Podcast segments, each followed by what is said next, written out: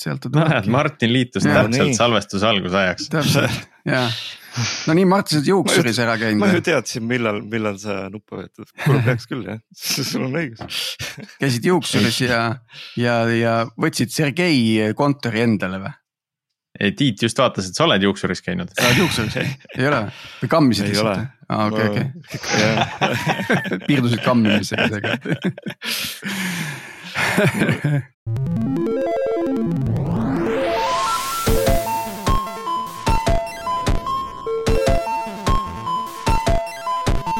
tere taas Algorütmi kuulama, on kümnes märts ja eetris on meie saja kahekümne teine episood, mina olen Tiit Paananen Veriffist ja koos minuga on salvestamas Priit Liivek Nortalist ja Martin Kapp Pipedrive'ist. ja täna on meiega koos stuudios äh, Concisei CTO Mikk Soone, tere Mikk, tere, kellel on juba teine kord osaleda, et äh, viimane kord rääkisime Mikuga Trunk-based development'ist ja, ja see episood oli eetris kahekümne kuuendal novembril kaks tuhat kakskümmend. ja teine külaline on meil principal engineer samuti Concise'ist Tiit Hansen, tere. Kes siis äh, haldabki kogu äh, tänase saate teemat tegelikult Concise'ist, et ja, ja saate teemaks on siis tere, äh, arendaja kogemuse loomine või selle juhtimine, et. et, et, et väga arendajakeskne teema, läheb võib-olla tiimist ja arendajast tihti väljapoole. ja, ja loodetavasti äh, selle episoodi äh, lõpus on meil selge, kuidas me arendajate elu lihtsamaks teeme ja nende tootlikkust veelgi suudame kasvatada, nii et kõigil on, on äh, näod naerul. aga algatuseks võib-olla küsiks kohe Mikk, et räägi, et millega sa selle nädala tegelenud oled? teeme nagu sellise sta- stand-up'i, et jah. jah, väike, see nädal on olnud kusjuures äh, erinevad äh, production probleemid, mille uurimisega on läinud äh, omajagu aega ka mul. et on olnud selline väga, väga operatiivne nädal siis. midagi huvitavat, mida, mida ka meie kuulajatega jagada, et meil oli üks selline, ütleme natuke salakavalam Node.js-i mäluleke.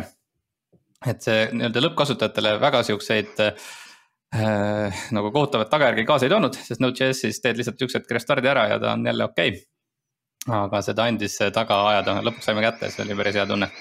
siis üks päev Mm. pärast seda nagu ei teinud mitte midagi. nice. just, okei okay. ja, ja Tiit, räägi sina, et mis, millega oled sellel nädalal tegelenud? selle nädala ma olen suuresti, sama asjaga ma loodan. ei ole, korraks, korraks äh, viskasin pilgu sisse natukene jah. aga olen natukene hinge tõmmanud, et meil sai siin üks äh, suur, suur töö sai just äh, lõpetatud ja nüüd vaatan edasi, mis, kuhu, kuhu suunda liikuda. et me kolisime kõik Mhm. oma nelisada kolmkümmend repository't Bitbucketist GitHubi üle. Mhm. kas äh, GitHubil mingit mingit seda nuppu ei ole selle jaoks, et äh, transition everything. kui sul juba nelisada repot on, siis nad võiks olla huvitatud ise seda asja teha, et ei pea äkki ise nagu nokitsema või, või te olete liiga väikesed selle jaoks veel? meil oligi see, et äh, tegelikult selle asja juurde käis ka see, et me tahtsime panna oma Kubernetese klastritesse GitHub Actions'i runner'id jooksma mm. -hmm. et, et see oli nagu üks asi.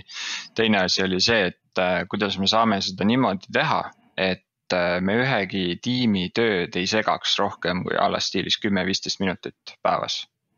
et äh, tegelikult selle alla meil läks äh, päris palju aega, see nõudis väga palju planeerimist ja võiks öelda, et praegu me saime selle asja nagu väga, väga ilusti üle liigutatud, et siin mõne, mõne üksiku tiimiga oli mõni väike probleem.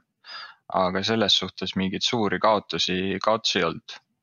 Aga noh, nagu sa mainisid seda, et noh, et seal võiks olla mingi nupukene, et on, on nupukene olemas, aga selle nupukesega on ka teine probleem, et äh, osade suurte repository dega, näiteks meil iOS-i äpp, siis see lihtsalt GitHub jooksis kokku selle peale et ta ei suutnudki seda importi ära teha.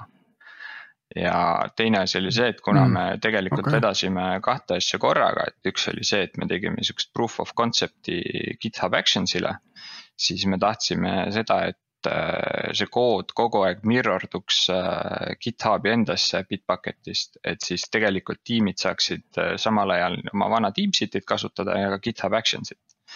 et meil oli jah, seal mitu, mitu aspekti, mida me pidime jälgima nii et te võtsite nagu selle CI stack'i nagu maja sisse ja, ja nüüd läks nagu GitHubi peale kogu värk üle, jah? päris täielikult veel ei ole läinud. Ma mõtlen, et kas, kas see nüüd on mm -hmm. ka seesama teema, millest me tegelikult täna hakkame rääkima. et, äh, et, et seesama kolimisprotsess, kas äh, noh, kui me räägime developer experience'ist ja peamiselt siis sellest, kuidas teil on selle jaoks üks täiesti eraldiseisev omanäoline tiim. kas, kas selline kolimistöö on, on ka justkui selle tiimi ülesanne? Ma ütleks, et kindlasti. see on üks suurematest, ütleme sihukesest äh, kogemuse võitudest. ma ei tea, kui paljud on Bitbucketit kasutanud, et see tuleb sellise Atlassiani ja Jiraga tihti kaasa, eriti enterprise keskkondades. aga et äh, lõpuks, kui sealt GitHubi üle läinud, siis siit ei ole võimalik tagasi vaadata. et, et see arendajate tagasiside juba, et sul leht laeb kiiresti, mitte sa ei pea ootama, et sul see midagi lahti tuleks, see on lihtsalt mm -hmm. nii palju väärt et see, seda oh, liigutust nagu huvitav. ühel meeskonnal väga raske teha, aga kõik koos, siis ta annab sellise nagu väga, nagu suure võidu kokku. ja, ja miks mitte GitLab? Äh, hea küsimus. Äh, me tegelikult proovisime kõiki. lõpuks, et sellist projekti mm. ette võtta, siis äh, seda tuleb niimoodi planeerida, et et sa proovid erinevaid variante, teed siukse proof of concept'id ja siis vaatad, et milline tegelikult sulle võiks kõige paremini sobida siis võtad võib-olla ühe sihukese eeskujuliku või mitte eeskujuliku, ütleme siis entusiastliku meeskonna, proovid temaga läbi, vaatad, kuidas neil läheb, õpid sealt midagi, teed järeldusi. siis äh, meil lõpuks jäi äh, GitHub mm,. okei okay.. aga mis see, mis see, see nii-öelda see võit, võitev kriteerium oli, et, et GitHub versus GitLab nagu? sest et äh, mõlemal on omad, omad tugevad miinused, eks ole, aga, aga mis teie jaoks näiteks oli? No minu jaoks isiklikult on GitHubi, ütleme sihuke ökosüsteem ja need liidestused, integratsioonid on kõik äh, nii palju lihtsamad. et kui me tahame kasutada mingit äh, spets code review tool'i, kõigil on GitHubiga integratsioon, no GitLabiga mitte eriti, GitLabiga sa pead kasutama siis GitLabi sisuliselt code review varianti. et sama on Bitbucketiga, et Bitbucketil ka neid integratsioone on vähem, et meil ütleme, productivity meeskond on selles suhtes väike, aga et minna GitHubis, me saame sealt väga palju asju tasuta kaasa nii mm, -hmm. nüüd selle, nüüd selle meeskonna sa nimetasid juba ära. et hakkame siis äkki sealt pihta, et, et millega siis tegu on, et mis selle asja nimi on ja, ja mida nad teevad? me nüüd nimetame seda productivity meeskonnaks, aga noh, sisuliselt mina kui selline olen olnud productivity inseneer, ma arvan, väga pikalt et aga lihtsalt varem ma olin lihtsalt see CI tüüp, kes teadis, kuidas äh, mõned asjad käima lähevad, kuidas neid enam-vähem tööle panna ja, ja, ja, ja, ja siis nagu peale minu on veel nagu mõned arendajad, kes sellega on rohkem tegelenud. aga, aga me nagu varem ei teadvustanud endale, et selle nimi nüüd meie jaoks on siis nagu productivity engineering. ja siis, aga nüüd me eelmine aasta siis formuleerisime ära, et, et tegelikult võikski olla meeskond, kes siis tegelebki, ütleme siis täpselt selle sisemise arenduskeskkonnaga, et mida meie arendajad kasutavad see on võib-olla selline üks noh, meil on täpselt sama protsess Veriffis praegu käimas ja, ja alustasime nagu sisuliselt eelmisel aastal, kuigi nagu üksikuid hinte siin-seal oli, et. et mõnes tiimis oli natukene sihuke vend, kes nagu või vaatas pilti laiemalt ja DevOpsis olid vennad, kes automatiseerisid kõvasti asju, on ju. aga vist on, vist on õige öelda, et kõik, mida arendustiim ise otsustab mitte teha, sest see on nagu justkui sellel hetkel overhead aga millel on tegelikult väärtus kõikidele teistele tiimidele, siis need asjad tehakse seal developer productivity tiimis ära. jah, enam-vähem nii see ongi jah. aga kuidas see nüüd äh, noh, me räägime siin nagu developer experience'ist, teie olete selle asja nimetanud developer productivity engineering uks. Ähm, ja siis veel ütleme, team topologies räägib ka sellisest nagu platvorm tiimist et kuidas sa selle platvorm tiimi ja, ja developer productivity engineering'u kõrvuti paned, et kas, kas see on täiesti eraldiseisev tiim platvorm tiimi kõrval või see noh, teatud juhtudel võib olla siis platvorm tiimi osa, et mingis mõttes te pakute arendajatele kõige paremat äh, keskkonda enda töö tegemiseks, eks ole, et te pakute seda platvormi ja põhja, eks. Ma ei tea, see on väga hea küsimus, meil tegelikult on niimoodi, et Need piirid on siiamaani natuke ebaselged ja meil on just järgmine nädal koosolek kahekümne inimesega, kes me siis olemegi, ütleme platvorm ja productivity ja security ja siis me räägime uuesti läbi, et mida täpselt keegi tegema peaks. aga võib-olla minu jaoks isiklikult need piirid lähevad umbes sealt, et eh, me oleme kõik platvorm. aga siin sees on, ütleme eraldi on nii-öelda cloud osa ehk siis nagu pilve pool, kus siis sa kirjutad Terraformi, tegeled erinevate teenustega siis on eraldi, ütleme äh, CI, äh, mis on äh, siis productivity osa. siis on monitooring, mis on täpselt kahe vahepeal meil praegu. et ta nagu läheb mõlemasse tegelikult väga tugevalt sisse. et arendajate nii-öelda seisukohast see nii-öelda läbipaistvus on väga oluline. ja seda nagu teeme meie, meie teeme seda ka. ja siis on, ütleme productivity's veel võiksid olla, ütleme testid ütleme, mis mitte testide võib-olla kirjutamine, aga et äh, saada selline, ütleme testimisstrateegia ja. ja head võimalused, kuidas meeskonnad saaksid omal neid kiireid CI pipeline'e ehitada. ja, ja siis on productivity's veel lisaks ütleme erinevad äh, arendajate meetrikad, et. et nii-öelda, kui suuri commit'e tehakse, kui kiirelt need production'isse jõuavad, kui kiirelt asjad ära parandatakse. ütleme selline nii-öelda arendaja, arendusmeeskondade meetrika on siis ka meie käes noh, võib-olla üks mm, -hmm. üks vahe on veel, et. kas see.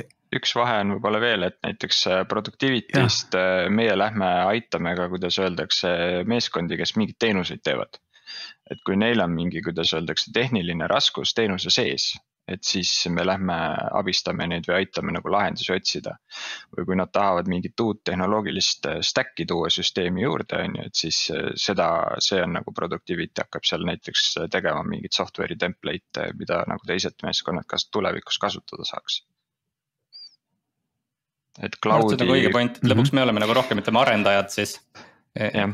Versus siis, et cloud'i peal on võib-olla sellist rohkem mm -hmm. infra engineering ut see on väga huvitav, et ma saan siin väga nagu näen, et teised nimed on, aga lihtsalt, et äh, erinevates firmades ikkagi väga sarnased üksused on, et meil samamoodi, et. Äh, ja, ja on jah ja see ongi võib-olla huvitav, et tegelikult see developer experience, ma tean, et just Pipedrive'i näitel, see on tegelikult üldse väljapoole suunatud mm, -hmm. eks ju väljapoole developer'i äh,, ühesõnaga väliste developer'ide jaoks. sest seal see API kiht on nii tugev et, ja selliseid ettevõtteid on ju e e no, Eestiski Äh, veel, et äh, võtame või Fortumo. et noh, see välise kasutajate hulk on mm. nii, nii tugev ja nende kasutajad mm -hmm. on põhiliselt just arendajad on ju mm.. aga mind huvitab nagu juhina see, et kas see oli nagu orgaaniline protsess või see oli juhitud protsess, kuidas te siia selle tiimini jõudsite, et kas see, kas see juhtus teile või te ise tekitasite selle ja kui ise, et siis miks, miks just teie Äh, raske on nagu öelda, siin ma, ütleks, et see oli orgaaniline protsess, mis lõpuks lihtsalt päädis sellega, et kuidagi pidi meeskonna nimetama ja siis äh,. siis me nimetasime selle productivity engineering uks ja hiljem nägime, et tegelikult teised on, ka seda nime hakanud kasutama. et äh, ütleme, Gradle praegu veab sellist productivity engineer'ide, ütleme siis ka podcast'ide sarja, kus siis äh, erinevad äh, ettevõtted räägivad oma productivity'st Neil oli juhuslikult lihtsalt sama nimi, ükskord guugeldasin meie meeskonna nime ja vaatasin, oi, teised teevad ka selle mm. -hmm et äh, kogemata leiutasite ratta. kas teie olete enda jaoks välja mõelnud seda, et ma tahtsin siia juurde küsida lihtsalt, et kas teie olete välja mõelnud, kuidas productivity't mõõta saab? et kui te panite siukse nimi, et productivity engineering, et noh, et äh, teete productivity't paremaks. kas, kuidas te teate, et te teete seda paremaks?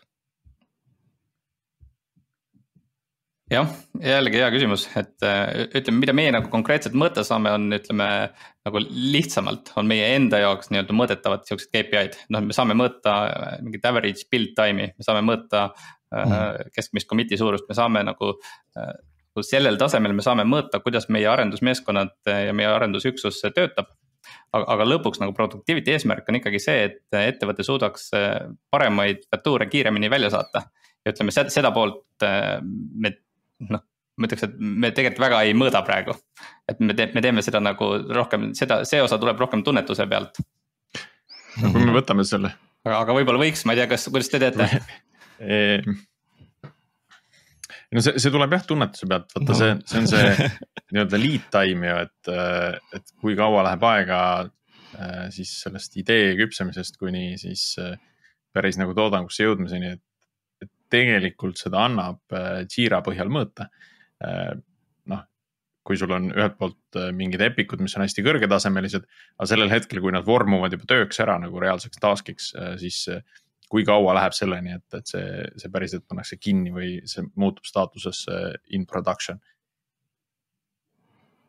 jah, no on tõesti, et noh, ma olen ka selle teemaga noh, väga huviline juba mõnda aega olnud ja ma olen näinud isegi Priidu artiklit, kus ta ka üritas seda aru saada, et kuidas mõõta nagu productivity't aga sama, sama mõte, et ega see tegelikult väga häid meetrikaid ei olegi, et, et kunagi, kui, kui ma rääkisin, siis oli ka, et noh, et see on ka tunnetuslik ja üks hetk, kui me seda tegime, siis tunnetuslik oli lihtsalt oli see nurinapõhine mm. -hmm et mida rohkem nurinat, seda halvem on experience, mida vähem on nurinat, seda parem on, eks pluss muidugi sinna juurde, et see deploy time on, on nüüd mõõdetav asi, eks ole, aga, aga, see pole ju ainuke asi, eks ja, ja noh, ma ütleks omalt poolt nii palju, et, et siin on, siin on tegelikult võimalik need asjad jagada nagu ikka meetrikat saab jagada nagu sellised mm -hmm. leading meetrikateks, mida on raske muuta, aga, aga eh, noh, võimatu ei, muuta, aga lagging. suht lihtne mõõta. Eh, ei, ma ühesõnaga leading meetrikad on. Eh, ja. raske mõõta, suht lihtne mõjutada, on ju jah, lagging meetrikat siis, mida on väga lihtne mõõta, aga väga raske mõjutada, kui mitte üldse võimatu, eks ju, et tuues siin kalorite ja kaalulangetuse näited, eks ju.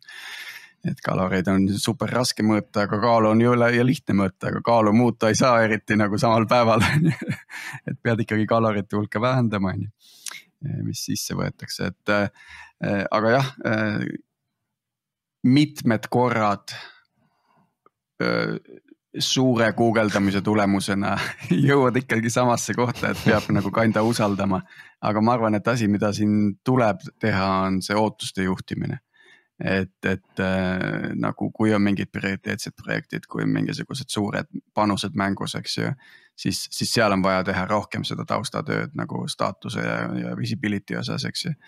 et, et, ähm, et seepärast, et noh, piisab sellest ühest black'ist et labeldada kogu ülejäänud nagu performance. Tiit, ma saan aru, et sul vahel tuleb ikka frusta peale, siis sa lähed ikka otsima aga, seda hõbekuuli no. netist ja siis avastad, et praktika ei ole veel no pidevalt, eks ju, sellepärast neid ka episoode siin vormime, et nagu aru saada, kuidas. äkki, äkki keegi on lõpuks välja mõelnud selle. ma ausalt öeldes, ma võtsin sellest actionable agile framework'ist nagu päris tõsiselt kinni, seepärast see tundub nagu äh, midagi, mis on äh, konkreetselt äh, workflow agnostiline, et mis täpselt kasutusel on. E, ja, ja tähendab seda, et seda on universaalselt võib-olla lihtsam, lihtsam sinna peale panna, et meie eelmises episoodis me rääkisime sellest sellest whip'ist, eks ju, siis äh, cycle time'ist, äh, average age'ist ja throughput'ist on ju.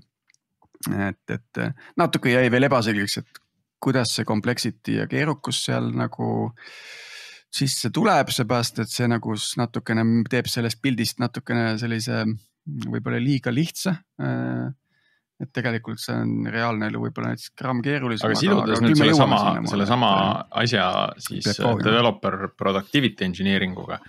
Äh, et äh, kuidas -hmm. see, kuidas see teie tiim töötab? kust tulevad need tööd, ideed? kas, kas see töötab nagu Scrumi põhimõttel, on seal pigem nagu Kanban, kes prioritiseerib neid töid üldse? Kas see tiim ise või noh, ma saan aru, et, et äh, kui palju üldse Concise'is arendustiimi on, keda see, keda see productivity tiim toetab? Ähm, ütleme, et see kokku kokku arendajaid, keda see mõjutab, on võib-olla sihuke sada kolmkümmend kuni sada viiskümmend. okei okay,, et noh, et siit selle, selle mahu pealt juba tekib nagu üsna palju selliseid päringuid. et kuulge, tehke see asi ka ära, et tahaks teistmoodi või see on aeglane, see ei ole hästi. Et kuidas te prioritiseerite neid asju? Mm ma kõigepealt ütleks seda, et minu arust nagu Martin sai siin päris hästi pihta, et kuidas see käib, et noh, et. sul on nagu mõlemad variandid, et sul on nii kvalitatiivsed kui kvantitatiivsed nagu variandid, et üks on see, et sa mõõdad mingeid KPI-sid. aga tegelikult see nii-öelda nurinapõhine lähenemine ei ole tegelikult üldse halb. et lõpuks nagu nurinapõhiline ongi sisuliselt intervjuude tegemine.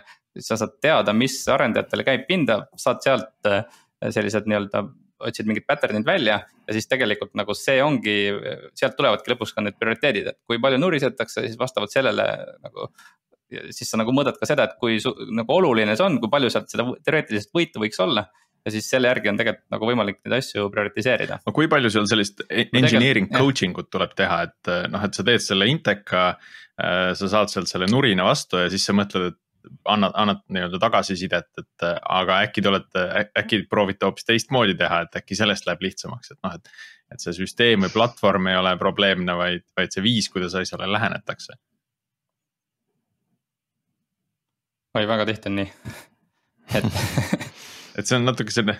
et tihti on mingi hea lahendus olemas, jah ja Tiit tahtis. harjumuse jõud on inimestel nagu selles suhtes meeletu, et ja noh, teine asi, mis ma tegelikult siin tahtsin vahepeal sureda ka sisse, oleks see, et äh, tegelikult productivity eesmärk oleks ka lõhkuda ära nagu, kuidas öeldakse, tiimide vahelised sõltuvused.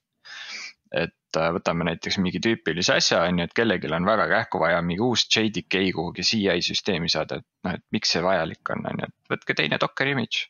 et lõhume nagu need sõltuvused seal vahel ära, et tegelikult igaüks saaks teha omale meeldival ajal tööd ja ta ei sõltu kellestki teisest, et äh, et see on ka nagu üks asi, mida saab mõõta, et kui palju näiteks kuskil meil siin sisemises Slacki channel'is tuleb nagu request'e ühelt tiimilt teisele, et, et see on ka sihukene asi, mida tegelikult võiks nagu subjektiivselt mõõta mm. -hmm, palju neid blokker tüüpi asju. aga selle koha pealt.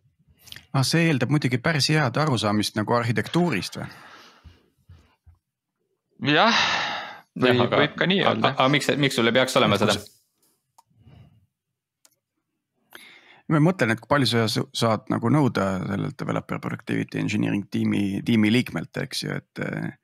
et, et kui nad on nii-öelda I know it all, god like access type guys on ju, siis noh, nagu siukseid vendi nagu liiga palju. positsioneerimise küsimus jälle, et kas nad on, võtavad selle nii-öelda tuum, tuumikarendajate rolli või pigem positsioneerivad ennast kuskil natukene külje peale ja üritavad toetada ja, ja sealtkaudu nagu aidata. pigem, pigem toetav jah, pigem toetav, aga, aga tähtis on see tegelikult, et sa ikkagi näed nagu eemalt nagu, mis kõik on olemas, mida on vaja teha ja mis on, mis on tulemas nagu et äh, vastasel juhul on seda nagu väga-väga keeruline teha. ja, jah, et sul tekib sihukene nagu öelda referents äh, erinevatest tiimidest, mida necessarily nagu tiimidel mhm, endal mm -hmm. ei, ei teki või neil pole aega seda tekitada, on ju, et kõigiga läbi rääkida, see on hea ma mäletan seda, et, et kui ma tegelesin sellega, siis üks, üks huvitav sihuke nagu ma ei tea, siis võib-olla paradoks on liiga palju öeldud, aga põhimõtteliselt, et kui sa tegeled selle productivity'ga selleks, et teha teiste arendajate tööd nagu lihtsamaks ja, ja sujuvamaks siis sa ise tegeled ka nagu põhimõtteliselt küll arendusega, aga sa ei kasuta lõpuks neid tööriistu, mida sa teistele teed. et kas siin, kas teil on sellist situatsiooni olnud umbes, et, et tehakse midagi valmis, eesmärk on väga hea, aga kuna sa ise ei ole nagu regulaarses arendustiimis, et siis see päris ei ole see, mida võib-olla nagu oleks tahetud. et kas, kas sellist nagu et, et kuidas, kuidas leida nagu seda tasakaalu, et, et inimesed, kes nagu ise on selles productivity engineering tiimis. või noh, mis iganes see, selle tiimi nimi on, eks ole, et nad nagu päriselt saavad aru, et mis see probleem inimestel ja teistel arendajatel on, et, et mitte mööda panna selle oma tööga.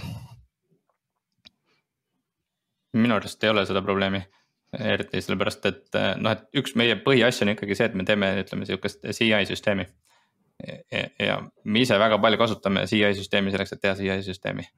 see, meil nagu nii palju erinevaid. jah, jah, et see, me ehitame nagu nii palju erinevaid asju kokku selleks, et teised saaksid midagi mõnusat kasutada. ja siis meil peab endal väga hea, ütleme sihuke lahendus olema mm. -hmm.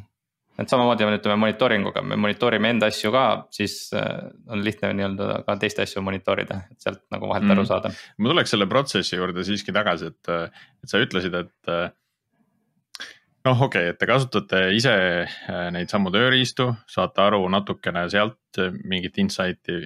et kus, kust see king pigistab kõige rohkem ja siis on see intervjuudest, aga see ei saa tulla ju ainult selle pealt, et kes kõige kõvemini kisab, et see saab enda, enda feature'i tehtud kas teil on siis, ma ei tea, mingid regulaarsed ähm, sellised planeerimise koosolekud, kus te enda backlog'i panete, kui pika perioodi peale te enda backlog'i üldse seate? sisuliselt on küll jah, et meil on oma Kanban ja seal on kõik asjad kirjas ja siis äh, aeg-ajalt planeerime ja vaatame, mis on nii-öelda mõistlik. ja lõpuks see käib ikkagi selle järgi, et vaadata kui lihtne teha on ja kui, kui suur võit tuleb ja selle pealt siis äh, saad otsustada, et mis siis äh, nii-öelda järgmine. et te siis stiilis kord kuus istute kõik maha, vaidlete. võib alati sinna kirja panna. jah, et seal on, seal on kõik need asjad, ideed kirjas ja siis vaidlete selgeks, et mis on need kõige prioriteetsemad asjad või äh, noh, kus need riskid on nii-öelda, mida maandada annaks. jah, no see, see on selles suhtes hea, hea küsimus, et me praegu teeme seda tõepoolest aga ütleme, et noh, et kui mina tunnen, et ma olen productivity engineer olnud väga pikalt, siis ütleme paar aastat tagasi. ma tegin sihukest nagu tundepõhist, et ma ärkasin üles, mõtlesin, millega ma tahan täna tegeleda ja siis tegin mingi asja ära, on ju, et tegelikult, tegelikult ma nagu ei teadvustanud endale, et. kui suur võit sellest tuleb, et ma lihtsalt vaatasin, et noh, see on tore asi, meil võiks olla. aga nüüd me üritame seda ikkagi arvutada, jah mm. -hmm aga võtame näiteks praktilise näite ka, eks, et eelmise aasta peale, mille üle arendajad siis kõige rohkem kurtsid või mis, mis oli kõige suurem? mis oli kõige suurem töövõit? jama, millega nad pidid ja tegema. Teie jaoks töövõit. ja kus oli see kõige suurem töövõit? ma arvan, et GitHub Actions, et äh, meil oli varem sihuke CI süsteem oli TeamCity peal, et me oleme CI-d kasutanud hästi pikalt, me oleme nagu väga arenenud sellel alal. aga oli sisuliselt selline probleem, et kõik uued inimesed, kes tulid nendel see nii-öelda õppimiskurv oli üsna, üsna suur. ja, ja eriti veel, kui nad praegu on remote ja kõik nii-öelda raske on uute inimesteni jõuda ja siis, kui nad on veel kuskil teises riigis ka, et siis see osutus nagu päris keeruliseks ja sealt sai nagu alguse see liikumine, et. kui me kasutaksime nii-öelda vahendit, mis ei oleks nii nišikas vaid nii-öelda universaalselt aktsepteeritud, siis sealt ehk jääb nii-öelda küsimusi, nurinat ja kõiki neid probleeme vähemaks mm. -hmm ja praegu nagu tundub, et et, et, et on sisuliselt juhtunud see, et nii-öelda kõik need uued, kes tulevad, need on selle GitHub Actionsiga väga rahul, nad guugeldavad, saavad kohe kõikidele asjadele küsimused, leiavad vastused. aga siis nii-öelda kõik need vanad, kes selle nii-öelda eelmise süsteemi peal olid, siis nagu nüüd tuleb nurin muidugi sealtpoolt, et mm -hmm. miks ma pean midagi uut õppima. jälle vaja midagi. kindlasti lisada midagi. ma ei tea ja ma ei tea, kas seda võiks nagu töö, töövõiduks nimetada. aga, aga see just, et meeskondadel on äh, nüüd olemas mingi kontakt, kelle poole pöörduda, kui on, kui nad tahavad midagi süsteemi juurde saada. et see selgus. näiteks üks asi, mis on nagu väga pikalt meil wish list'is on olnud, on distributed tracing, aga kes seda hakkab tegema, mis mm. meeskond hakkab distributed tracing ut juurutama? et nüüd on nagu konkreetne, konkreetne meeskond olemas, kes seda tegema hakkab.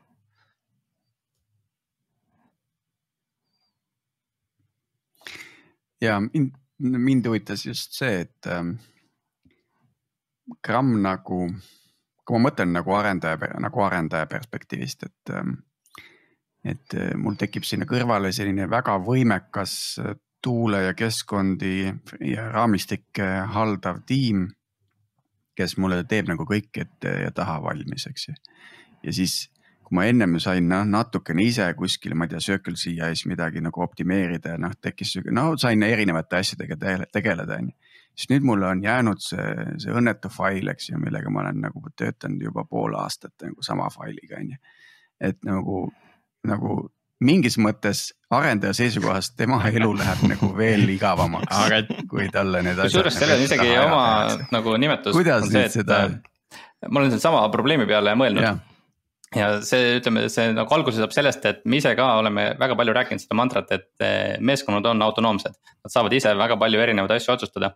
aga, aga lõpuks see nagu autonoomsus ei pea tähendama seda, et sa, et iga meeskond peab uuesti seda ratast eh, leiutama. ja ütleme, meil oli endal siuksed nagu, nagu konkreetsed juhendid, kuidas nii-öelda mingeid põhilisi asju, ütleme, arendaja teha saab näiteks meie puhul on siis, me oleme põhiliselt, ütleme, meil on sihuke back-end näiteks on JVM-i peal kus siis on nagu Java ja Kotlin ja siis äh, on mingi juhend olnud, et kuidas seda nii-öelda uut teenust äh, püsti panna. ja siis hiljem saime aru, et tegelikult selle juhendi nimi on nii-öelda golden path. selle nimetuse mõtles vist Spotify välja ja see ongi siis nii-öelda see nagu üks konkreetne viis, kuidas sa, sa nii-öelda kõige lihtsamalt oma eesmärgi nii-öelda saavutatud ja siis arendusmeeskond tegelikult saab nüüd valida seda, et kas ta kasutab seda golden path'i, aga tegelikult meil on kõik vahendid olemas selle jaoks, et kui nad ei taha seda mingil põhjusel kasutada, siis nad saavad valida ka midagi muud. aga nad ei peaks seda midagi muud lihtsalt nagu iga päev välja mõtlema, selle, sellepärast et muud moodi ei saa. vaid et see on pigem lihtsalt nagu lisavõimalus, et kui sa tahad teha midagi sellist, mida ei saa nagu ühtemoodi teha. see on tegelikult nagu üsna sihuke ütleks nagu, nagu võimas kontseptsioon, et äh, arendusmeeskonnad on autonoomsed sel tasemel, et nad saavad ise otsustada lõpuks aga, aga neil on head variandid, mille vahel valida. see on nagu no inframaailmas on ju golden image on tuntud, et ilmselt Spotify sealt ka selle kuldse referentsi haaras. et, et sul on mingid asjad juba väga hästi ära tehtud ja sa saad sinna peale ehitada. et ka seal see golden path, et sa võid selle põhja alla endale võtta ja sinna peale siis kohendusi teha, kui sa tahad midagi natuke teistmoodi lahendada absoluutselt, aga ainult siis, kui sa tahad, on ju, kui sa ei taha, siis sa ei pea seda tegema, sa tead, et sul on tegelikult hästi lihtne viis ka. mõnes mõttes see GitHub Actions on hästi tore lahendus, mis tegelikult ju viibki selle konfiguratsiooni, eks ole, arendajate enda repodesse nagu sisse. et kui mõni CI süsteem, et seal mingit seadistust teha või era, eri, eri mingisuguseid sätteid panna, võib see olla keeruline, kui mitte võimatu et siis GitHub Action annab nagu selles mõttes ikkagi päris palju nagu loomisvabadust ka, et kui sa ei soovi kasutada neid äh, standardseid action'id, sa võid täitsa ise kirjutada, sa võid teha noh, mis, mida iganes põhimõtteliselt, eks ole. et selles mõttes äh, ja meil, meil on tegelikult sarnane protsess käimas siin Pipedrive'is just, et, et GitHub Action'id on, on ikkagi uus ja kuum teema praegu. mille pealt te tulete? Mm, -hmm. kui suur teil see muutus on uh,?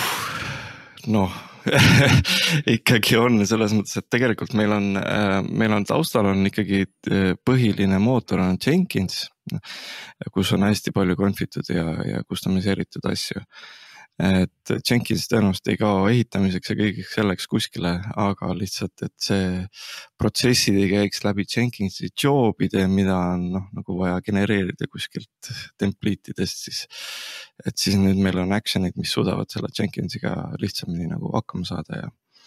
ja, ja arendaja jaoks asja ka selgemaks teha, et kui sa näed seda koodi ja instruktsiooni oma repos, siis on ka selge, mida see repo tegema hakkab, kui ta CI-sse jõuab lõpuks mulle tundub see nagu niivõrd elementaarne, et nagu kõik CI peab repos Tahtsin olema.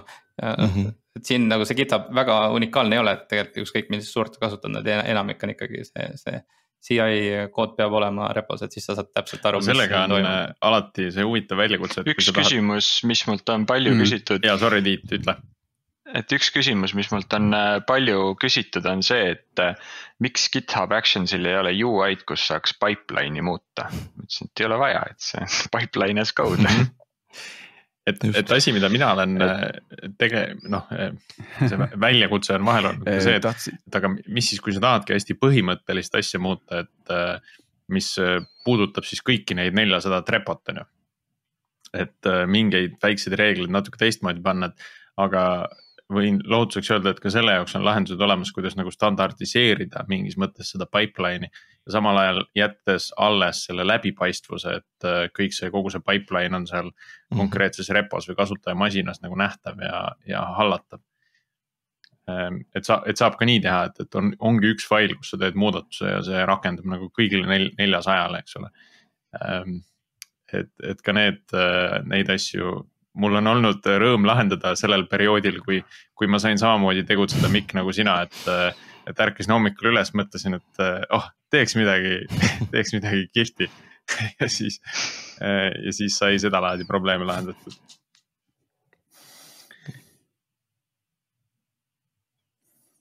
ja mina tahtsin Tiidult veel uurida seda, et sa mainisid juba, et distributed tracing on nagu, nagu laual, eks ju, noh, GitHub migration sai tehtud, on ju. mis seal veel Millega laual on, see, ma arvan, annab paremini kuulajatele äh, selle skoobi kätte. meil on ka sihukene asi laual on nagu backstage, mille proof of concept'i me oleme nüüd püsti pannud et äh, see on ka nüüd üks tööriist, mis on Spotify'st pärit.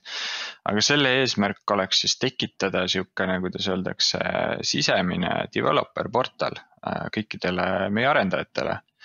kus nad saaksid siis leida dokumentatsiooni, äh, mis seisus mingid teenused meil süsteemis on vaadata nende näiteks mingit API definition'it, mis message queue'sid nad kuulavad, mis formaadis sõnumeid nad tahavad, mis, mis nad välja pritsivad. et just, et oleks niisugune nagu ühtne koht, kus on nagu kogu informatsioon sellest koos. ma tahtsin, tahtsin kindlasti et, rääkida, mul on väga hea meel, et sa selle lauale panid. et mind huvitavad just, et kui staatiline see on, kui palju te täna nagu dünaamiliselt genereerite selle jaoks sisu? ma ei tea, repo pealt. kõik on dünaamiline, kas seal on ka mingisugune? kõik on repo, kõik on. no dokumentatsioon võib-olla päris ei ole. mis ei ole? jah, täpselt, et selle nii-öelda backstage'i üks mm -hmm. väga suur osa on see TechDocs osa, et sul on nagu dokumentatsioon äh, koodina ka repos mm, -hmm. mitte kuskil Confluence'is. ja see on sihuke üsna, üsna võimas äh, tööriist, mis on Aga igal pool lendu läinud. meie oleme, ütleme selle nii-öelda adoptsioonikurvi alguses veel, aga, aga meil on nagu palju. tegelikult see backstage ikkagi nagu tõmbab nendest repodest no, materjalid mõttes... kokku, eks ole jah mm. -hmm. et ma tahtsingi just öelda, et pigem on nagu dünaamiline, et. siin on huvitav, Martin. et ta on dünaamiline kuna ta nagu endas nagu seda infot nagu, kuidas öeldakse, salvestatuna ei hoia, et see ikkagi tuleb nagu repositorist, et kui arendaja nüüd seal dokumentatsiooni repositoris muudab, siis GitHub Actions genereerib uue nagu selle TechDocsi sinna. et et selles suhtes on asi nagu dünaamiline. aga kas seal on et, äh, juures ka nüüd äh, selline mingi suhtluse komponent, et äh, mm. kui mina no. moodul A arendajana tahan nagu noh, tagasisidet anda või, või midagi küsida teise mooduli kohta. kas, kas ma saan sedasama backstage'i kasutada selleks? minu teada mitte. ütleme tavalises arendustiimis ma ei näe seda vajadust, noh, see on okei okay,, ma kirjutan nagu Slackis või Teamsis või kuskil otse sellele tiimile, eks aga ma, ma nägin siin just nagu potentsiaali, et noh, miks ei võiks olla riigil üks nagu backstage on ju. ja kui ma tahan kasutada rahvastikuregistri X-tee teenust on ju ja ma ei saa millestki aru arendajana. et, et noh, ma tegelikult ei teagi, kelle poole kirjutada või kelle, kelle poole pöörduda. Äh, et jube lihtne oleks, et ma sirvin sealsamas seda teenuse dokumentatsiooni ja ma saan seal ka nii-öelda avada chat'i ja öelda, et kuulge, kes, kes täna on online, et äkki keegi saab mind aidata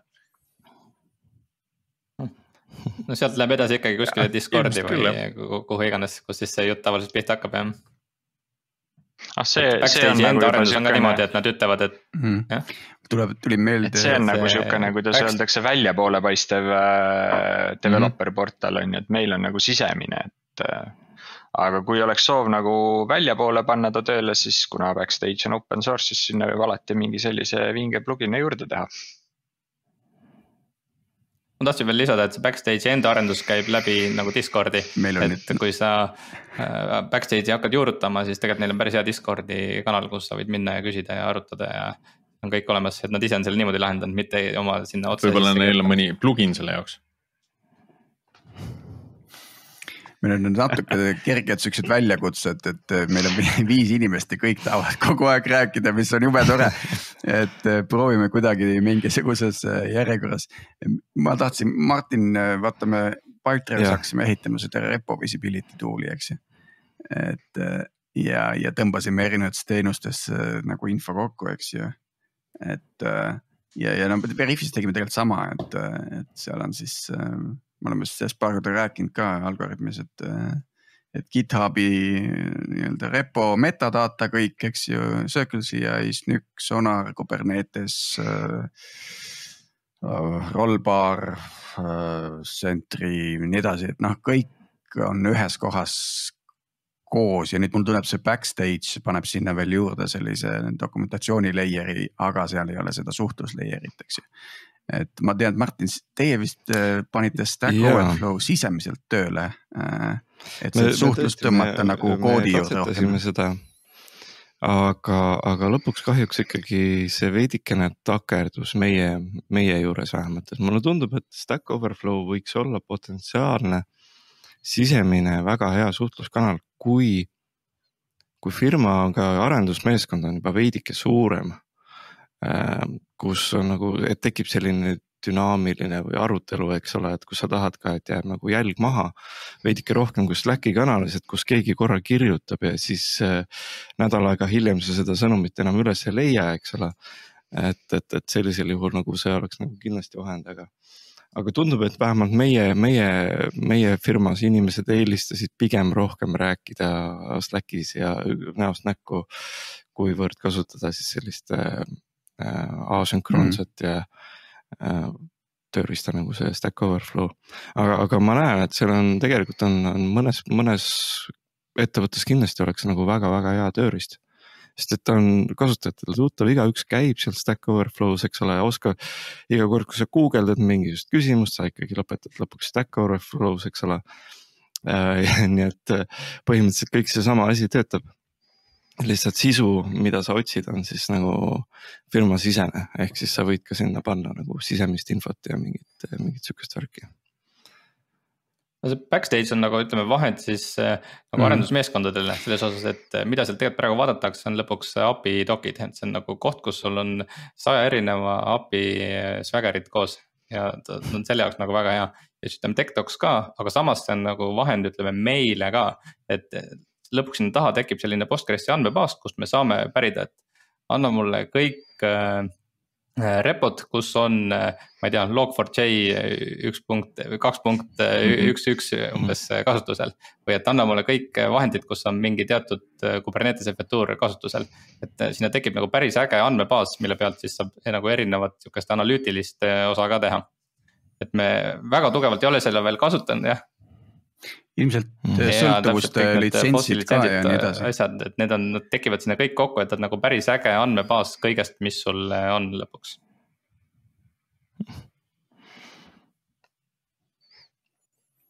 ja see, see teeb nagu igasuguse due diligence'i nagu suht moment, momentaalseks või, või ühesõnaga seda juba kiiresti ära teha, on ju. selge, kui nüüd vaatate tagasi äh, selle, selle tiimi loomisele ja, ja ja teete nagu retrospektiivi või kui ma palun teilt teha siin praegu see retrospektiiv, et eh, mida oleks võinud nagu teistmoodi teha? Eh, ma ütleks, et äh, oleks pidanud varem tegema, tulime selle mõtte peale võib-olla liiga hilja. pidanud varem tegema ja ütleme suurema ressursiga peale minema, et see kasu tegelikult on niivõrd suur, et me veel praegugi tegeleme sellega, et et mõtleme, et nagu, et mis meil on teha, et tegelikult need osad asjad tunduvad nagu niivõrd elementaarsed, et nagu kuidas on võimalik, et me ei ole neid varem ära teinud. siin see võit on nagu väga mm,, väga suur see on nii huvitav, et see, see, see on selline läbiv teema, üks, ükskõik, kes kasvab, eks ole, firmades, et see, miks meil ei olnud seda juba nagu mingi kaks aastat tagasi näiteks ole, noh, mingid siuksed asjad. aga siis sa hakka, noh nagu minu meelest nagu teine perspektiiv on see, et peab enda juures nagu ikkagi vaatama, et kaks aastat tagasi tõenäoliselt olid teil ka teised prioriteedid, nii et suur investeerimine sellisesse asjasse võib-olla too hetk ei oleks olnud -hmm. kasulik, aga, aga see on sihuke alati no, kahe otsaga asi. võib-olla oleks olnud kasulik see, see ju sõltub sellest, kui lähedalt täpselt sa äh, teemasse vaatad, et kui sul on vaja punktist A punkti B jõuda, siis sa võtad mm -hmm. endale kõige, kõige kiirema nii-öelda transpordivahendi või kõige kiirema tööriista. aga kui sa nüüd võtad aja, aja maha ja vaatad seda probleemi nagu lähemalt, siis võib juhtuda, et sa leiad hoopis kiirema transpordivahendi. aga võib ka juhtuda, et äh, sa saad ainult nagu marginaalse võidu, et äh, jõuad natuke kiiremini kohale et, et seda äh, noh, minu jaoks on üsna arusaadav see, et, et kui te hakkasite seda, eh, selle tiimina lähemalt vaatama, siis, siis leidus nii palju asju, eh, millega võiks tegeleda või mida see tiim võiks ära teha, et. et mida lähemalt vaatad, seda rohkem seda paistab. üks asi tegelikult, mis on veel, ütleme vajab meil ka veel nii-öelda parendamist, aga mis on nagu kõvasti, ütleme natuke muutunud meil ja kus saab veel nagu edasi areneda, on see nii-öelda lokaalne arendus samamoodi. me praegu oleme rääkinud siin ütleme siis alates CI-st, aga tegelikult nagu väga palju tööd toimub enne CI-d mm. -hmm. nagu see kogemus, mis sul on nii-öelda lokaalselt arvutis, siis see on tegelikult väga paljudel erinev ja see on üsna keeruline teema. aga seal on tegelikult võimalik nagu väga suured võidud eh, saada. ja mis need võidud võiksid olla, ma mõtlen, et noh, on see mingi IDE integratsioonid, mingi erinevad noh, platvormi harmoniseerimine, et sul ei ole nagu samas tiimis arendajad, kes ju üks teeb Linuxiga, teine teeb no, Windowsiga. ütleme, et äh, siin juba saab sellist nagu üldist äh, strateegiat saab natuke lokaalse arenduse peal teha. et äh, näiteks see, et sa töötad korraga nii-öelda ühe komponendi peal, mitte et sa pead terve maailma lokaalselt käima panema et kui sa nagu töötad ühe, ütleme ühe komponendi peal, tal ongi, kõik töötab API-de peal, sa kirjutad API testid ja sul, sa saad nagu äh,. lihtsalt IDE-s jooksutada ühte komponenti, siis see on niivõrd palju nii-öelda kiirem ja parem versioon kui see, et sul on vaja tõmmata lokaalselt viis erinevat komponenti püsti ja siis sa. Äh, kuskilt saadad Postmaniga request'i sisse ja vaatad, mis teisest otsast välja tuleb, et siis nii-öelda selline äh, nagu, et mida rohkem sul neid asju töös on, siis äh, seda aeglasemaks see arendus muutub ja samamoodi on kõik need, ütleme noh, mul isiklikult, mis, kust tuli väga suur võit, oli kasvõi sellest, et kui ma läksin, ütleme M1 Maci peale, et nagu puhtalt see nii-öelda compile time, mis ma kokku hoian, et see on seda lihtsalt väärt ja see, see, see on nagu asi, millega tuleb arvestada, et, et sul ei saa olla sisuliselt nagu aeglast start'it ja kui sul on nagu midagi võimalik teha, siis. võib-olla lõpuks see tuhat eurot ongi nagu see, mis annab sulle kõige suurema võidu parasjagu. vaata, et see on nüüd asi, mida sageli ei track ita.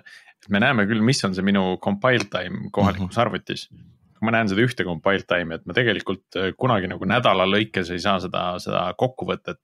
et kui palju mu, mu masin nagu kulutas aega selle kompileerimise peale. ja noh, siin on ka siis äh, tegelikult ei ole ju tähtis, et äh, mis on minu arenduspraktika või noh, et, et kas ma kirjutan nagu hästi palju koodi ja kompileerin harva või ehitan seda pakki kokku harva ja paigaldan harva. või ma eelistan seda sagedamini teha, et see sõltub hästi palju sellest äh, konkreetsest probleemist ka, mis mul käes on. et, äh, et see võit tuleb niikuinii, kui, kui ma suudan selle ühe, ühe kompileerimise kiiremini teha või ühe paki mhm. ehitamise kiiremini teha. et jah, ja see on ju tõesti ainult ühe selle mõõtmine ja iga kord, kui arendaja peab ootama, siis on ju see kohvinurk, et äh, kompileerib praegu noh, et et, et see on sihuke nagu focus'e loss ja, ja downtime, eks ole, et mis. mõni, mõnikord on tore teha paus, aga tegelikult äh, arendajaid endaid ka häirib, kui ta peab ikkagi passima nagu. aga see on jälle, miks sinu selline subjektiivne tunne, et, et noh, sa nägid seda, sa ise märkasid seda muutust, on ju. aga sellist asja ma saan aru, ka täna te tegelikult ei track'i, et, et arendaja saaks mingi suurema feedback'i selle pealt? Äh, me täna ei track'i, aga samas see on, äh, ütleme siis nii-öelda mm -hmm. pipeline'is sees, et me tahame track ima hakata. me tegelikult seda õppisime äh, Netflixi pealt, et Netflix tegelikult track ib seda, palju sul nii-öelda lokaalselt, kuhu sul aega läheb ja nad on sealt päris palju õppinud ja sealt nad ütlesid, said, tulidki selle peale, et tegelikult. mis me selle CI-ga jamame, et nagu põhilised võidud on tegelikult kuskil mujal mm. -hmm. see, kui palju keegi kuskilt pakke alla laeb või et kui kiirelt sul testid mhm. lokaalselt mm. -hmm. ka see, et kui, kui kiire võrguühendus, eks ole ja me set-, ah see, see, see on veel järgmine teema täpselt, et mm., et eriti kodukontorites on see nagu jah, sul peab nagu võrk ka hea olema. vägev.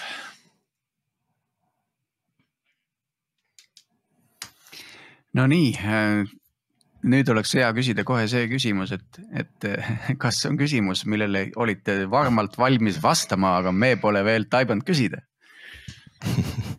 noh, me oleme praegu niimoodi kiirelt meelde ei tule, et ma võib-olla arvasin, et me räägime natuke võib-olla rohkem neist erinevatest nii-öelda KPI dest, et mida, mida siin nagu praktiliselt annab äh, ära teha. aga siia lõppu siis, väga sobilik nendest peaks. korra rääkida. jah mm..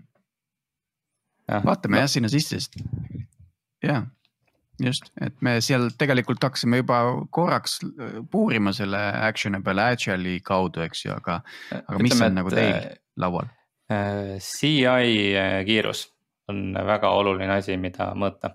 seal on samamoodi see äh, tihti see võit tuleb lihtsalt ka sellega, et sa lihtsalt maksad natuke rohkem raha. et ütleme, et kui me kasutame seda GitHub Actions'it, siis me seal teame, et okei okay,, me paneme sinna nagu nii võimsad masinad kui võimalik, sellepärast me teame, et noh, et see ei ole koht, kust on mõtet kokku hoida. siis mõnikord tuleb nagu võit näiteks sellest, et äh, et kui on mingisugune sihuke spetsiaalne CI näiteks äh, iOS-i äh, kompileerimiseks. ja siis seal on keegi selle kunagi ära conf'i inud ja ta on valinud seal, vaadanud, võtnud mingi odava plaani aeglase kompileerimise ja siis seda iOS-i pakki ehitatakse kokku, ma ei tea, tund aega. ja siis sul on võimalik seal lihtsalt valida teine linnuke, maksta nagu natuke rohkem ja, ja seda ehitatakse kokku viisteist minutit ja siis sa nagu mõtled, et kui palju on nagu kaotsi läinud nende aastatega mm. -hmm. ja eriti just seal algus, algusetapis, kus et ilmselt neid muudatusi oli palju tehti seda nii-öelda selle tunnise tsükliga ja siis, kui see on enam-vähem küps ja neid muudatusi on oluliselt vähem, siis nüüd hakatakse optimeerima, on ju. jah, täpselt, et kõik, ma ütleks, et nagu kogu see CI, kogu pipeline'i kiirus on tegelikult väga oluline, ta on ka väga oluline selleks, et saada see nii-öelda mean time to recovery väiksemaks. et sa pead nagu väga kõvasti, ütleme, teste paralleliseerima sa pead, kui AWS-il tuleb mingi uus instants välja, sa pead oma need välja vahetama, võtma selle uue kõige, kõige kiirema. sa võid saada oma mingi Java monoliidist jälle järgmise minuti maha ja need on tegelikult nagu suured, suured võidud, mis tulevad. see on, ütleme siis üks asi, et me mõõdame seda CI-d ja pluss siis on see, et nagu, et kui kaua sa CI järel ootama pead meil varem oli see probleem, et ütleme, CI töötas agentide peal, agendid äh, aeg-ajalt äh, noh, lähevad käima, seal tekib mingid ajalised kaotused on, et mõõdame seda ka, et kui, kui kiiresti see võimalik äh, nii-öelda agent kätte saada. nädalavahetustel oli eriti hull. siis jah, kogu see. ja täpselt, et kui nad olid magama läinud ja nii ja mis meetrikaid veel on? et äh, siis on, nagu ma alguses mainisin, et see vist läheb teie eelmise nädala teemaga ka kokku, et see arendusprotsessid ja meetrika samamoodi, et mida me mõõdame, on nii-öelda äh, muudatuste suurus, mis läheb äh, production'isse. ehk sisuliselt nagu commit'i, commit'i suurusi me mõõdame ja siin me nagu üritame teha võimalikult väikeseid muudatusi võimalikult äh, tihti. me mõõdame seda, et nagu kui Äh, commit'il on lines of code. mis see ühik on siis? sisuliselt, kui palju läheb äh, ülesse, me üritame nagu muudatused hoida väikesed, et kui sul on mm -hmm. sihuke kolmekümne realine muudatus, siis see tavaliselt on nagu palju parem kui kahesaja realine. kui sa teed kolmekümne, et kui sa teed kolmekümne realisele muudatusele code review. selle jaoks on siis, äh, kuidas te seda jälgite siis, et, et see meetrika on olemas, kas kuskil on dashboard, mis näitab keskmist commit'i suurust, mis läks toodangusse või viimast kümmet? see on Äh, sisuliselt mm -hmm. küll, aga ta on nagu meeskonnapõhine tavaliselt mm. -hmm. et sa nagu vaatad, kuidas erinevad meeskonnad, sa näed, et tegelikult meeskonnad nagu töötavad erinevalt ja siis sa üritad sealtpoolt vaadata, et mis. kas siin nagu annab midagi teha või ei anna midagi teha või nad tahavadki niimoodi teha, et nad teadvustavad endale, siis noh. Polegi midagi, polegi varianti, aga sul vähemalt on see informatsioon olemas. ja, ja teine on siis ütleme, see code review kiirus on ka mingi asi, mida me mõõdame et kui sa oled oma töö ära teinud, et millal tuleb code review, et siis. Eh, et, et, et seal ei tekiks mingisugust nii-öelda lünka vahele. kumba pidi teil, eh, kumba pidi teil see on, see code review, et kas see on, eh, tehakse nagu tagantjärele pärast tarnet või see on eelduseks nii-öelda gatekeeper selleks, et see tarne teostatud saaks hmm.? No eelmine kord, kui ma rääkisin trunk-based development'ist, siis me nagu väga palju keskendusime sellele, et nagu otse master'isse kirjutada koodi. aga me praegu oleme võib-olla natuke liikunud äh, selle pealt ära, et äh, oluline ei ole, kas sa nii-öelda saadad master'isse või teed selle pull request'i, vaid oluline on see, et äh, see muudatus oleks väike ja nad läheksid väga kiiresti välja aga me ütleme, enamik asju on küll, läheb ikkagi otse master'isse mm -hmm. niimoodi, et see code review tuleb tegelikult tagantjärgi ja siis on, äh, seal me mõõdame seda põhimõtteliselt iga meeskonna kaupa, et. siis on see eriti oluline, eks ole, et see tuleb. võimalikult äh, väike see viivitus oleks selle, äh, selle nii-öelda paigalduse ja code review vahel, eks ole. see on kusjuures huvitav, et ma ei ole kindel, kas ta siis on olulisem, sest et kui ta tuleb nii-öelda tagantjärgi, siis ta tegelikult ei blokeeri tööd ja siis, siis tegelikult see mõju mõnes mõttes on väiksem. aga kui sa teed oma töö ära ja siis pead code review'd ootama, siis see tegelikult see on nagu veel on, rängem, kui sa pead. ühe, ühelt poolt, poolt on nagu risk suurem ja teiselt poolt on äh, risk väiksem, aga, aga kulu on suurem. et äh, natuke on, kui ta tuleb hiljem, siis natukene on see coin flip, et kui me väga kaua ootame, siis äh, võib-olla seal toodangus on mingi probleem, millest me üldse ei tea nagu tükk aega mitte midagi jah. nojah, aga selleks õnneks me tegeleme monitooringuga ka, jah.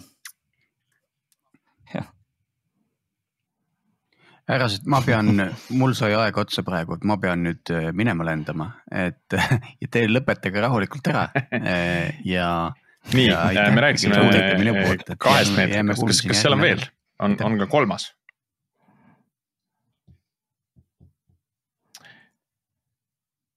Mis me nüüd rääkisime, me rääkisime ära äh, arendusmeeskondade meetrikad ja CI meetrika sisuliselt mm. -hmm. mm. -hmm. või kuidas see? noh, põhimõtteliselt tegelikult üks meetrika, mida võiks nagu vaadata ka on ju, et kui on nagu hästi palju arendustiime, siis oleks nagu, kuidas öeldakse, wasted time. et kui palju arendusmeeskonnad raiskavad aega ühe ja sama asja tegemisele, mida tegelikult võiks nagu offload ida productivity'sse, et siis productivity teeb selle nagu, kuidas öeldakse. Proof of concept'i ära vaatab, kas see tehnoloogia on mõistlik, kas see, kas erinevad meeskonnad saaks seda kasutada või, või on see siis mõttetu. et kui meil näiteks võtame, võtame näiteks kolm meeskonda tegelikult uurivad näiteks nädal aega ühte sedasama tehnoloogiat ja tuleb välja, et see on nagu kasutus, siis tegelikult me viskasime nagu kolm nädalat nagu prügikasti lihtsalt, et äh, kuigi ei oleks saanud nagu kiiremini teha või kellelgi oli see know-how juba mhm. olemas mm. -hmm. aga siin on nagu suur selline kommunikatsiooni väljakutse, et kuidas, äh, kuidas siis see info liiguks, et kõik tegelikult mõtlevad mingisuguse üldise teema peale mm. -hmm.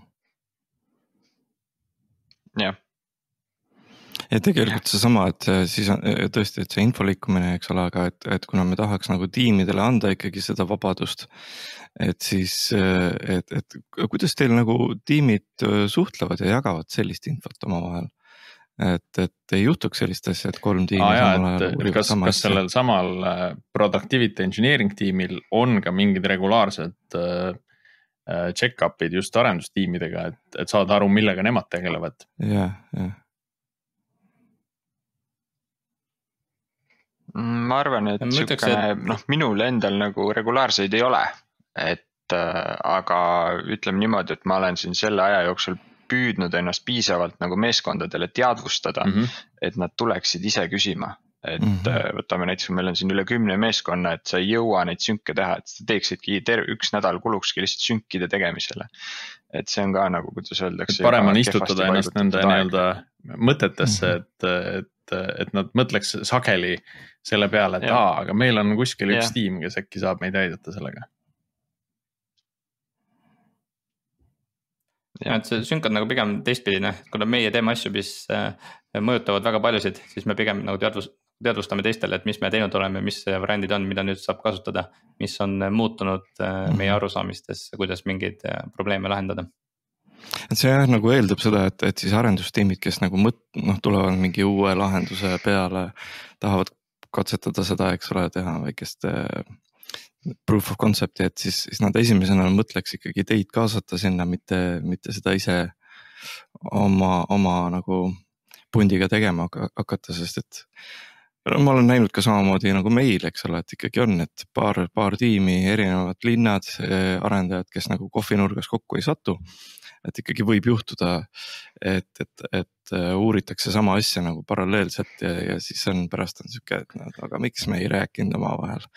et oleks võinud ju kuidagi nagu. mulle tundub, et äh, see on nüüd teema, millest äh, me peaksime teiega rääkima aasta pärast uuesti, et kuna te olete üsna selle, selle mm -hmm. teekonna alguses päris palju huvitavaid mõtteid ja õppimise, õppimise kohti sai siin täna juba välja öeldud aga, aga kindlasti see oleks huvitav kuulda, et mis, mis siis saab veel, kui see kogemus veelgi küpseb mm. -hmm.